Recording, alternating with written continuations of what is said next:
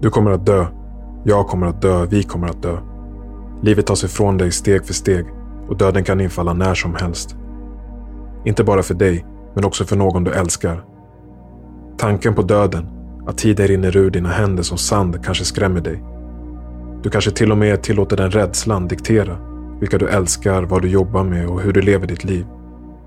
Men om du istället kan acceptera livets korthet och tillfällighet kanske ditt liv kan fyllas med en större känsla av syfte och tacksamhet snarare än rädsla. Kanske kan det frigöra dig från det själsliga motståndet och göra dig mer benägen att lyssna på ditt hjärta och inre dragningskraft. Påminn dig själv om att döden oundvikligen vilar i varje sekund som är förbi och kommer att omfamna varje sekund som är framför. Borde du inte då vända dig mot dem du älskar och låta dem veta det? Borde du inte vända dig mot det du älskar och ge det näring så att du kan vakna upp till något meningsfullt med glädje, styrka och energi? Och att finna just din väg till ett liv värt att dö för.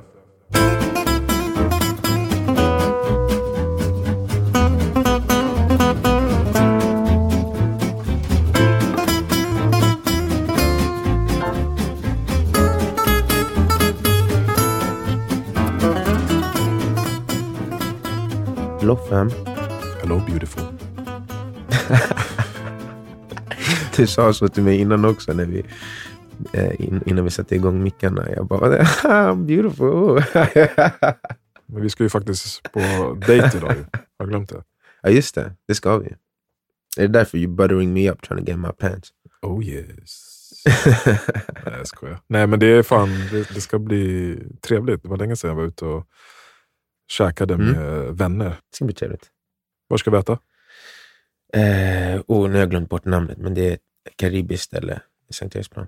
Mm. I, som jerk chicken och sånt. Oh, det? Rice and Ja. peas. Rice and peas, exakt. Jag har aldrig förstått den, för det, jag vet inte om de kallar peas, bönor för peas. För när jag hör peas så tänker jag ärtor. Exakt. Jag har sagt, Men det är ju bönor. Det är bönor. Så att jag, när jag har sagt det, oh, jag gillar i London, jag åt jerk chicken and uh, rice and beans. De bara, va? det är beans. Det är inte Oh, but beans. it is beans, what you talking about son? peas. Men det- Men det var kanske annorlunda Ja. uttryck för det. Jag hoppas att det är en Där. sån där ställe som, som gör jerk chicken på riktigt i såna här barrels, alltså tunnor. Mm, mm, Det mm, blir mm. så jävla gott. Mm. Don't make it too fancy liksom. Nej. Och jag är hungrig nu, jag har fan fastat idag också. jag med. Men eh, vad, ska, vad har vi tänkt att prata om idag? Mm. Idag ska vi ju prata om ett kapitel från en bok som heter The Law of Success. Eh, Den boken publicerades 1928 och är skriven av en Napoleon Hill. Eh, Napoleon Hill var en amerikansk författare och eh, många påstår att han är liksom fadern till litteratur inom personlig framgång. Mm. Och att han ska ha influerat fler människor till framgång än någon annan i historien. Det där tycker jag är väldigt starkt och intressant påstående. Mm. Eh, för att jag börjar direkt tänka på olika figurer inom, eller som är kopplade till religion. Liksom. Så, att, Mm, så, för mm, mig mm. handlar det om, okay, vilken framgång pratar vi om här? Mm, men- Att ändå många påstår att Napoleon Hill är då den här personen visar ju tydligt på, att, på hans avtryck och betydelse genom tiden. Mm, Eh, mm. I alla fall, hans mest kända bok Think and Grow Rich är en av de bäst, sälja, bäst säljande böckerna genom tiderna. Och den Mhm. har hjälpt miljontals människor att nå sina mål och har varit en viktig del i många framgångshistorier. Mm. Och Jag tycker man hör ganska ofta om framgångsrika, eller när, intervjuer med framgångsrika personer och kända personer, män och kvinnor, nämna just Think and Grow Rich som en stor faktor till deras framgång. Eh, Mm, mm. Eller hur? Du har också hört det flera gånger. Absolut. Eh, och man har ju också hört de här eh, moderna personliga utvecklings eller livscoacherna Mm. referera till, till honom väldigt ofta. Mm. Och det, var, det slog mig nu när jag kollade upp det igen att 28, 1928, alltså det är snart 100 år sedan boken skrevs. Ja, det. Det, var ännu tidigare än vad jag tänkte. Jag tänkte typ så här 40-50-talet eller någonting, men det är liksom basically 100 år sedan. Mm. Eh, och det märks ju delvis på hur den är skriven. Mm. Alltså man märker till exempel att han skriver inte till människor med samma typ av cynism som människor har idag. Mm. Eh, han, man, till exempel, som bruk, idag när man ska prata om just personlig utveckling, för att det har varit ett eh, lite så exploaterat område kanske. Mm. Folk som inte riktigt har eh, ben att stå på, som ger sig ut och ska säga till andra vad de borde göra och inte göra och sånt. Mm. Och Det känns som att den bilden har dominerat så pass mycket att idag när folk ska prata om någon slags personlig utveckling så kommer man in mycket försiktigare. Mm. På den där tiden så hade inte allt det där hänt ännu. Så han kommer in liksom och slår på den stora trumman om Mm. vad det här är och kan göra. Ehm, och Det är som du sa till mig när vi diskuterade tidigare, att det rub you the wrong way lite grann. Alltså det är så här, hur kan du vara så säker på vad de här sakerna leder till? Och sådär. Um, Men alltså, det bara- som ja. ligger, ligger i grunden till den här boken, eh, The Law of Success, som vi ska diskutera ett kapitel om idag, är ju att Mm. han i 26 år studerade över 500 liksom, self-made miljonärer. exakt. Eh, och han intervjuade dem och analyserade och försökte lista ut vad de hade för gemensam faktor. Liksom, och, eh, och vad, vad det var som gjorde dem så framgångsrika. Och det var ju, Exakt. bland dem var det ju väldigt stora namn eh, som kanske inte tilltalar oss jättemycket, eller det gör det ju i och för sig, men eh, bland annat eh, Thomas Edison. Eh, Alltså han som kom på eh, elektricitet, va? Eller glödlampan. glödlampan. Just det. Och motion picture camera och så vidare. Henry Mm. Ford, Theodore Exakt. Roosevelt. Alltså Precis. väldigt framgångsrika personer. Rockefeller. Ja. och, massor. mm. och från, från den här boken då ska vi diskutera det första kapitlet. Vilket heter Exakt. Introduction to the Mastermind. Now, here are some interesting facts about the mastermind which uh, give you an idea of how important it is and how necessary that you embrace this principle and make use of it in attaining success in your chosen occupation. First of all, it is the principle through which you may borrow and use the education, the experience, the influence, and perhaps the capital of other people in carrying out your own plans in life. It is the principle through which you can accomplish in one year more than you could accomplish without it in a lifetime if you depended entirely upon your own efforts for success. Of one fact, I am absolutely sure. When you form a true mastermind alliance with others and uh, work with them in a spirit of perfect harmony, you can draw freely upon the spiritual forces within you in uh, carrying out your plans and desires.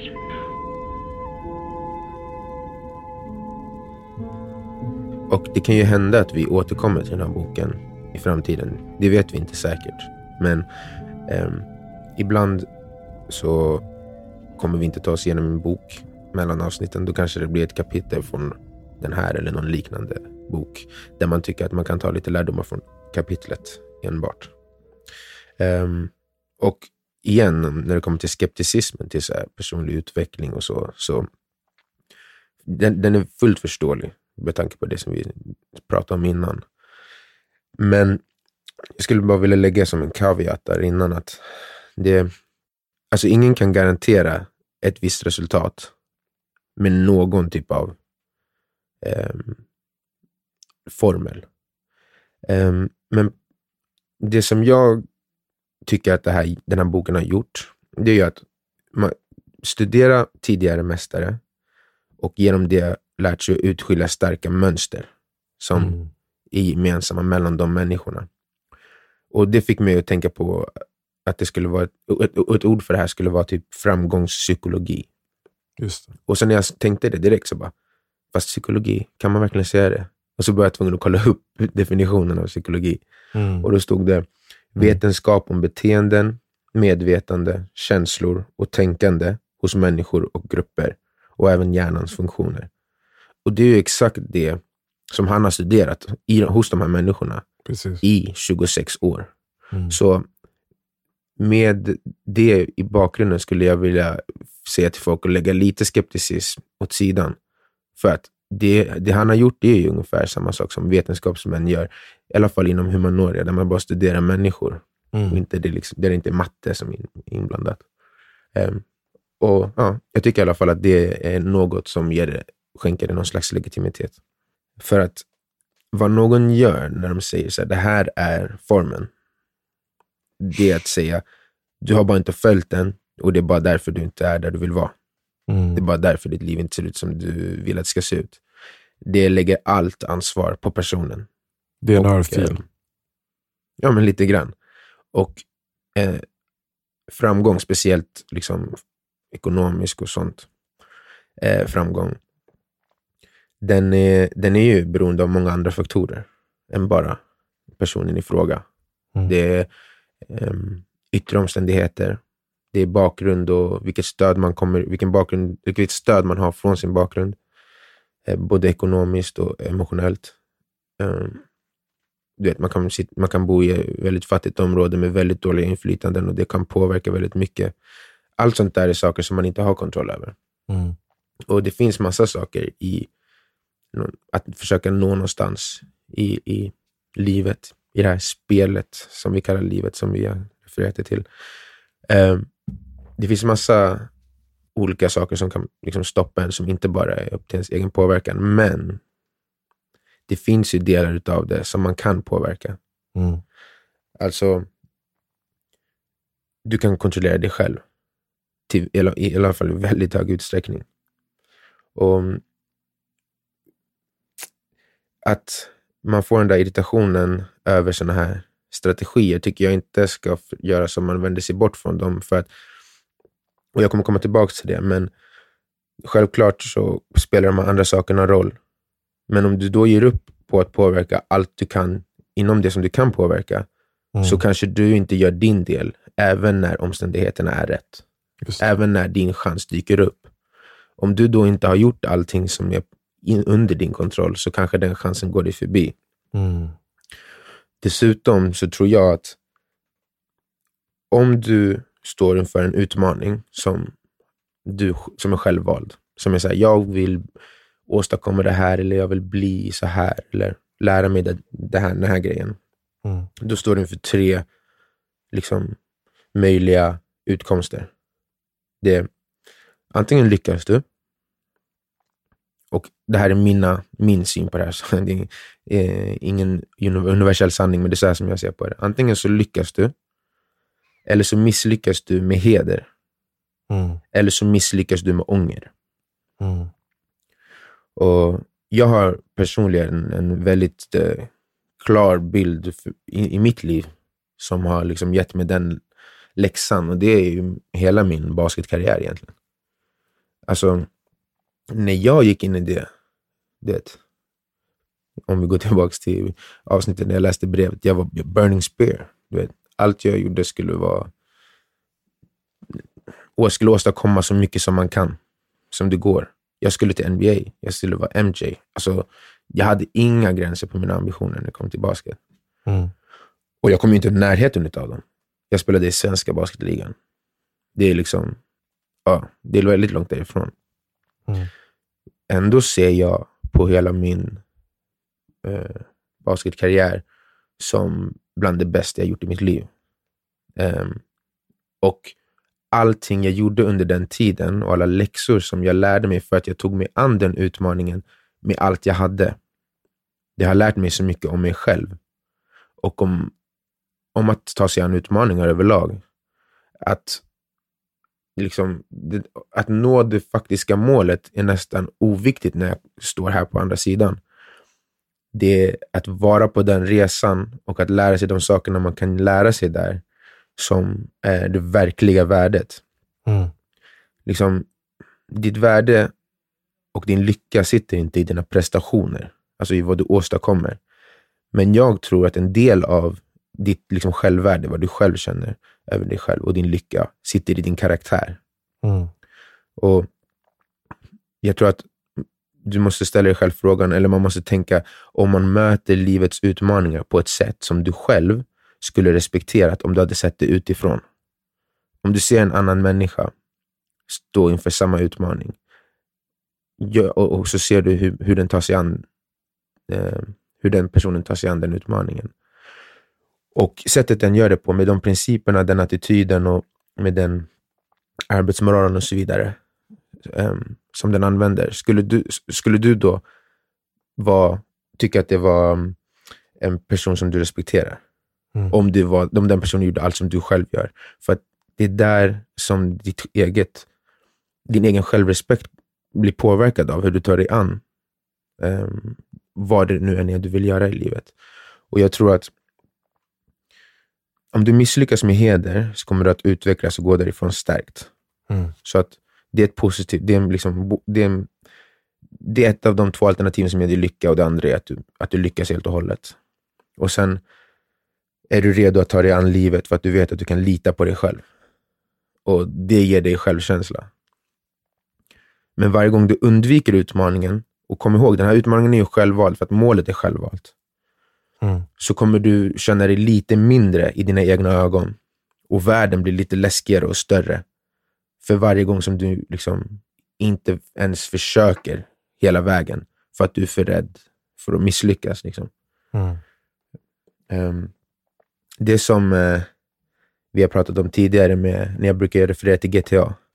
Att det, det, det, jag tycker det nästan visar på hur mycket den här rädslan för att misslyckas, för att man inte förstår att man kan misslyckas och ändå det, allting kommer vara bra. Uh, att den liksom styr hur stora ambitioner eller hur fräcka mål man vågar ha. För att du, du vet ju, när man sitter framför Grand Theft Auto, mm. det finns ingen som bara, nej men jag ska inte försöka få det största huset. eller jag ska inte försöka ha det, det roligaste äventyret i det här spelet jag, möjligt, jag möjligen kan ha. Mm. Därför att alla vet att det är utformat för dig att lyckas. Mm. Det finns inget eh, det finns eh, garantier. eller risk. Ja, exakt. Men det är, det är inte bara ja. Grand Theft Auto, det finns, alltså i Monopol till exempel. Mm, du strävar ju exakt. efter den, den, den, högsta vinsten för att du vet om, att om du gör så här och gör så och har lite tur med tärningarna, då kommer du kunna nå dit. Exakt. Och du måste ju spela oavsett. Alltså om mm. du nu har börjat spela, så varför ska du spela för att inte vinna? Mm. Jag ser lite på det som, för, att, för du är inte rädd för att förlora. Nej. Därför det finns bara det här kittlande av att tänka på att vinna, men det finns inte det här läskiga av att tänka på att förlora. Det finns väldigt eh, bittra förlorare, men de spelar ja, gärna absolut. en gång till för att, de, för att ja, chansen exakt. finns igen. Liksom, att vinna. Och de vågar varje gång. Ja. Men i, i verkliga livet så känns det som att folk ger upp innan de ens har försökt. För att, att försöka och misslyckas verkar som vara alltså en av de största rädslorna som människor kan ha. Det är en sak som de går in på i den här boken i senare kapitel också. De som rädslor som man ska undvika att styras av. Och en av dem är ju eh, alltså, rädslan för att misslyckas. Mm. Och min, min idé här är att om du miss, det finns två sätt att misslyckas på. Och du kan välja helt själv vilket sätt du kommer misslyckas på om du nu ska misslyckas. Och att göra allt du kan med alla verktyg som du kan hitta, inklusive böcker som försöker hitta mönster med, från tidigare människor som har nått stora mål. Mm.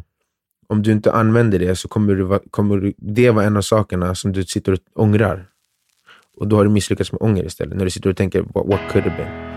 Det, det, det, det slår mig ganska ofta själv att så här, jag tänker så ofta fram och all, väldigt sällan bak. Alltså förutom att dra, så här, dra lärdomar.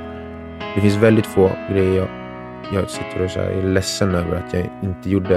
I alla fall när, i förhållande till min basketkarriär. Då, för att jag vände på varenda sten. Mm. Och det gav mig så mycket mer eh, än jag tror att ens liksom själva framgången skulle kunna ge. Så ja, jag tror att det är ehm, bra att komma ihåg att misslyckas med heder är samma sak som att lyckas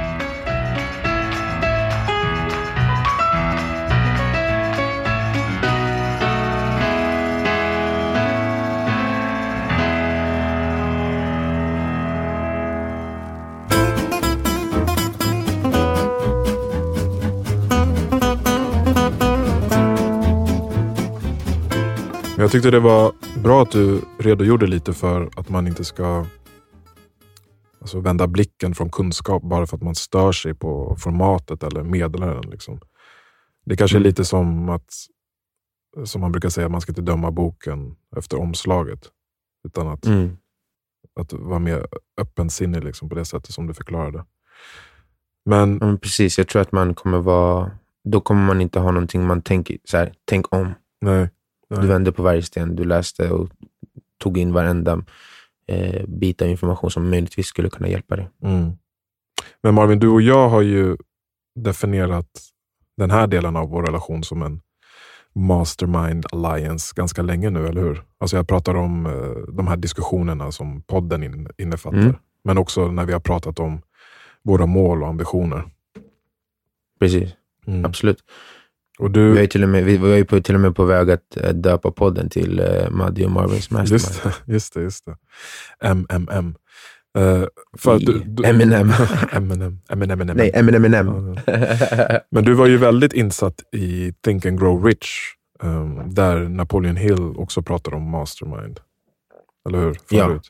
Alltså det är ju typ samma bok egentligen. Ja. Det är samma principer, han har bara lagt till någonting i den här. ja. Och Jag tänkte att vi, vi, vi behöver nog definiera vad mastermind innebär. Och, eh, Mm. eller för, även om jag hade hyfsad koll på, vad begreppet, eller på begreppet innan så känns det som att jag har en annorlunda förståelse för det nu. Jag tror inte jag var ri- Mm. lika insatt som du var då.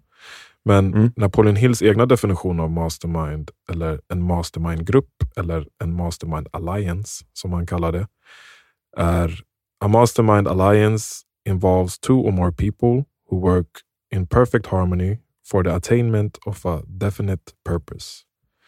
Mm. Så när, man, när vi pratar om mastermind, eller mastermind-grupp eller mastermind alliance så är det alltså en intim, självreglerande grupp bestående av liksinnade människor som samlas och samtalar regelbundet för att de vill eh, hjälpa varandra att nå nya nivåer av eh, personlig framgång.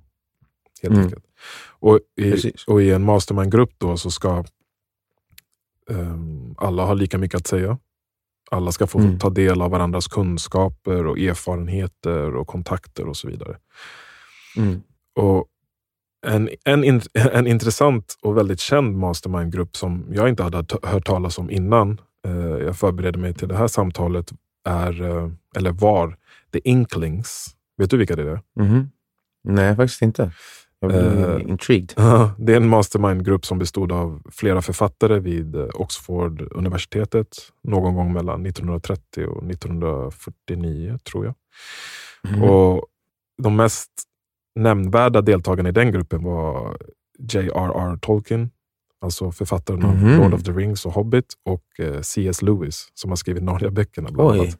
Jag blev, så här, ja, jag blev lite hypad när jag hörde det. De liksom tillsammans har suttit, eller setts regelbundet tillsammans med andra eh, författare. Och eh, Deras syfte var då att läsa upp ofärdiga texter för att få feedback och, och liksom förbättra det. Och jag antar att de hade andra fördelar av varandra också, men det var det stora syftet. Väldigt coolt. Mm. Och, och tydligen så kom Tolkien då med, med eh, utkastet från Lord of, Lord of the Rings och läste upp den där innan det blev en Oh. bok. Väldigt Wow. häftigt.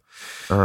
Eh, Det är inte så konstigt att folk säger att de på, har påverkat varandra, de där. Nej. C.S. Lewis och J.R.R. Tolkien. mm, Eftersom att de satt och försökte göra det. mm, mm. Men, Mm. men, så tanken då med, med det här mastermind är att när man slår ihop flera sinnen och tillsammans har ett väldefinierat syfte som man jobbar emot, Mm. så skapas Mm. ett, ännu ett sinne. Ett kollektivt sinne Mm. som, kallas då, som man kallar då mastermind. Och Mm. Napoleon Hill är väldigt tydlig i, i boken med att påstå att ingen människa har nått framgång på egen hand. Oavsett om det är medvetet eller inte.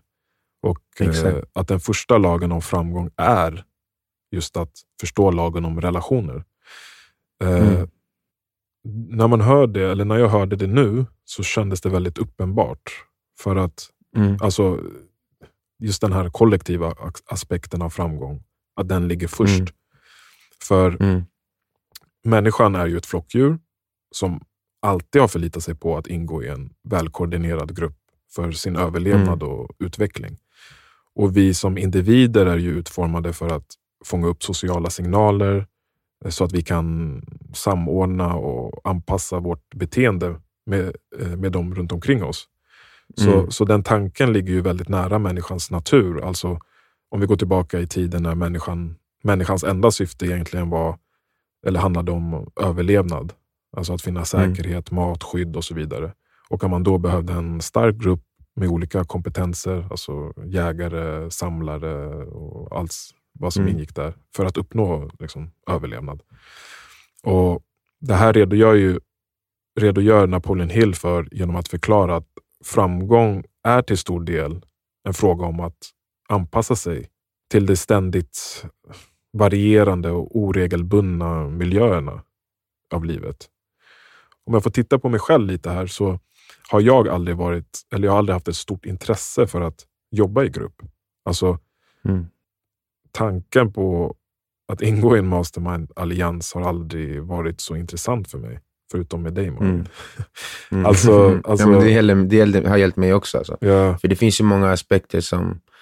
Alltså det krävs ju, som han, påtalar, alltså en otrolig eh, tilltro mm, till varandra Mm. och liksom att man är bekväm att dela med sig av sina ambitioner. Det är väldigt få människor som är värdiga att höra dina ambitioner.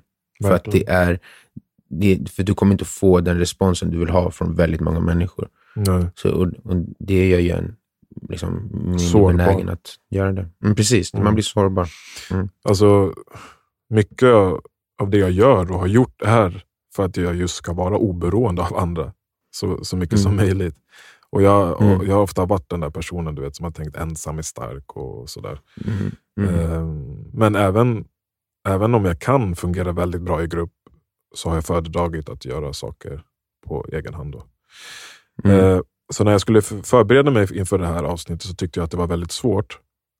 Mm. Liksom, vad, vad, vad ska jag säga om mastermind eh, egentligen? Utifrån den erfarenhet, erfarenheten jag har, förutom att du och jag har en Mm. mastermind. Eh, Mm. För även om, då kommer vi tillbaka till det som du pratade om eh, innan. Så även, även om Napoleon Hill pratar om personlig framgång generellt, Mm. så känner jag att fokuset i boken ligger till större delen på, den, på liksom finansiell och karriärsframgång och sånt. Mm. Mm. Men, men, men till slut kom jag ändå fram Men hur till... kommer det sig?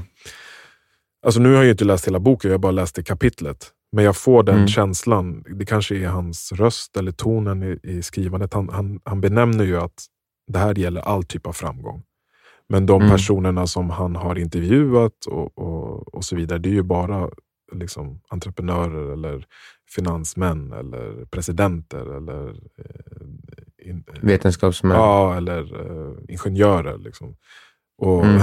det, det stadiet som jag är i nu i livet och kanske bara liksom, med podden så har vi varit väldigt in, inne på det andra. Liksom det andliga och det, det vad ska man säga, spirituella och, och den aspekten av livet. Så, men, Mm. men jag fortsatte att lyssna och så hittade jag något annat i hans röst som, som var mer Mm. mottagligt för mig då. Mm. Men till slut kom jag fram till att man kanske kan applicera tanken av en mastermind-grupp och vad det innebär när man tittar på framgången i olika relationer man har i sitt liv. Mm. Alltså för, för, att, för att på något sätt förstå och rannsaka kvaliteten av en relation. Mhm. Jag, jag, tänkte att vi ska, jag tänkte att vi ska testa en sak och göra lite en, en tankelek här. Mm. Jag tror att jag behöver komma in i den för att förstå helt och hållet. Ja. Så den viktigaste relationen jag tycker att man har i sitt liv är relationen till en själv. Alltså Mhm. din relation med dig själv. Agreed. Ja. Och Napoleon Hills definition av mastermind är ju att två eller fler personer jobbar i perfekt harmoni för att uppnå ett specificerat mål. Mm.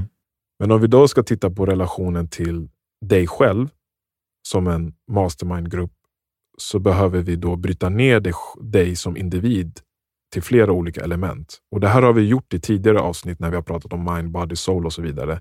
Men, men nu Mhm. tänkte jag att, att, eller nu skulle jag vilja påstå att du består av fem element. Okej. Eh, fysiken, det mentala, känslorna, intellektet och själen. Det är typ samma. Säg dem en gång till. Fysiken, det mentala, känslorna, intellektet Mm.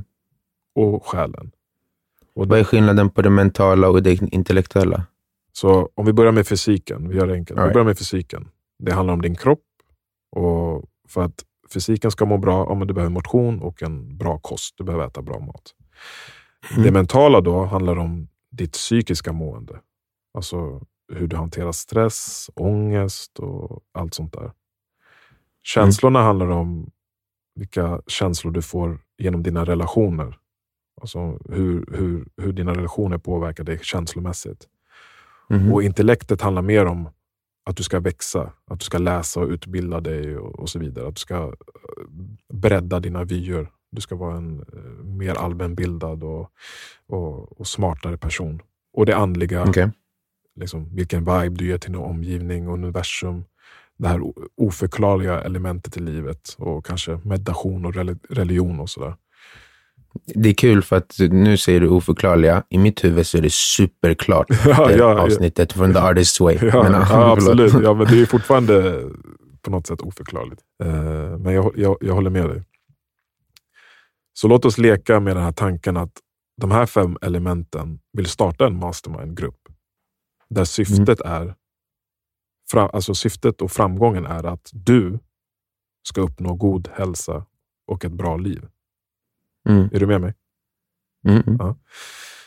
Och för, för att en mastermind-grupp ska fungera och syftet ska uppnås måste alla de här fem elementen dels samverka med varandra i så harmoni, men också Mm. ta sina egna eh, liksom enskilda ansvar. Mhm. Och sanningen är ju att oftast är vi ju bättre på det ena eller andra av de- här elementen. Alltså att man kanske har väldigt god fysik, men inte kultiverar intellektet. Eller tvärtom, du läser och studerar och är jättesmart, men din kropp ser ut som en sopsäck för att du äter pizza och hamburgare varje dag. Mm. Eller du kanske har jättebra och många fina relationer, men Mm. du, klarar inte, du klarar inte att vara i din ensamhet. För då får du ångest och, och, och blir orolig. Mm. Liksom. Mm. Det jag vill komma fram till är att från ett mastermind-perspektiv så handlar det om att du måste samla och titta på alla de här fem elementen på enskild nivå, men också i sin helhet för att de ska fungera tillsammans i harmoni. Och Mm. Jag tror att de flesta av oss nästan behöver ett systemat, ett, ett, ett, en systematisk approach, alltså ett mastermind-tänk för att kunna ransaka varenda element som, som avgör, eller alla de här fem elementen som avgör om din hälsa är bra eller inte. Eller om du lever ett Mm. liv som du vill leva eller inte. Mm. Så är du fortfarande med mig? Jag tror det. Alltså, Ja. Menar du att, att det blir som en mastermind mellan de här olika delarna av dig? Precis, så att inom dig, jag, det kommer tydliggöra Mm. det, men där vi är nu, att inom dig, inom dig finns det en mastermind-grupp. Där alla de här Mm, fem mm. elementen utgör gruppen. Och resultatet Mhm. blir din lycka eller din hälsa. Mm. Mm. Så låt oss säga att du varje vecka samlar alla de här deltagarna i din mastergrupp. Alltså fysiken, det mentala, känslorna, intellekten och själen. Mm. Och så frågar och så går ordet runt liksom, i, i, i gruppen och, och man ställer ärliga frågor. Liksom, ah, men hur mår jag? Har jag motionerat tillräckligt? Känner jag mig lugn eller Mm. orolig och stressad? Hur är det i mina relationer? Mm. Vem får mig må bra? Vem får mig må dåligt? Läser jag Mm. tillräckligt? Är jag intresserad av något speciellt ämne som jag borde utbilda mig till? Mediterar jag varje Mm. dag? Vad är det för en- energi jag sprider? Och så vidare. Mm. Och den responsen du får från, från diverse element eh, Mm. blir då ett verktyg att agera för att skapa den här harmonin och, och, och ta, ta dig själv närmare det gemensamma syftet. Mm. För, för, alltså för mig är det så otroligt påtagligt. Till exempel Det är när, en skitbra liknelse. Det känns som en Pixar-film. Och varje del av dig ska vara en egen karaktär. ja, men det, är det, jag försöker, det är det jag ser när jag försöker förklara. Jag vet inte, det kanske låter skitkonstigt, men det jag ser är att... Inte för mig. Nej. Jag ser som i Inside Out. Ja, det heter mastermind. Du är Eh. precis som i en, i en så traditionell mastermind då, med, med olika människor, Mm, så hjälper ju de varandra också. Alltså så här, Exakt. den ena kan saker som den andra inte kan och det kommer hjälpa den första att nå sitt, sitt individuella mål. Mm. Att den kan få hjälp, så här, hjärnan får hjälp av kroppen. mm, Det mentala får hjälp av kroppen att nå de mentala målen. mm, Det mentala kan hjälpa kroppen att nå de fysiska målen. Precis som människor i en mastermind kan ha olika kunskaper och tillgångar som kan hjälpa den, en annan medlem i gruppen att nå någonting. precis så tänkte jag. Det här är så otroligt påtagligt för mig. För till exempel när jag kommer bort från, Mm. från min träningsrutin som jag är väldigt beroende av, då känner jag direkt att mitt välmående inte är på topp. Eller samma Mm. sak om jag inte hinner läsa och skriva tillräckligt. Eller om jag inte hinner vara med min familj tillräckligt. Eller om jag inte hinner meditera tillräckligt. Och så vidare. Mm. Då känner jag samma sak. Mm. Så jag kan alltså inte bara, alltså jag, det kanske funkar för andra men jag har svårt att tro det. Och det jag läst och fått uppfattning om att det är så här för de allra flesta. Alltså, jag kan Mm. inte bara stimulera och kultivera ett element, eller två element, Mm. eller tre element, eller fyra element. Utan alla fem element som utgör mig till människa och som ingår då i min mastermind-grupp måste Mm. få säga sitt. Och jag måste också lyssna. Och jag måste också Mm. agera för, för att det är det som krävs för att uppnå syftet. Mm. Och Det är alltså kombinationen av alla element som tillåter oss att vara framgångsrika och i det här fallet ha god hälsa och ett gott liv. Mm.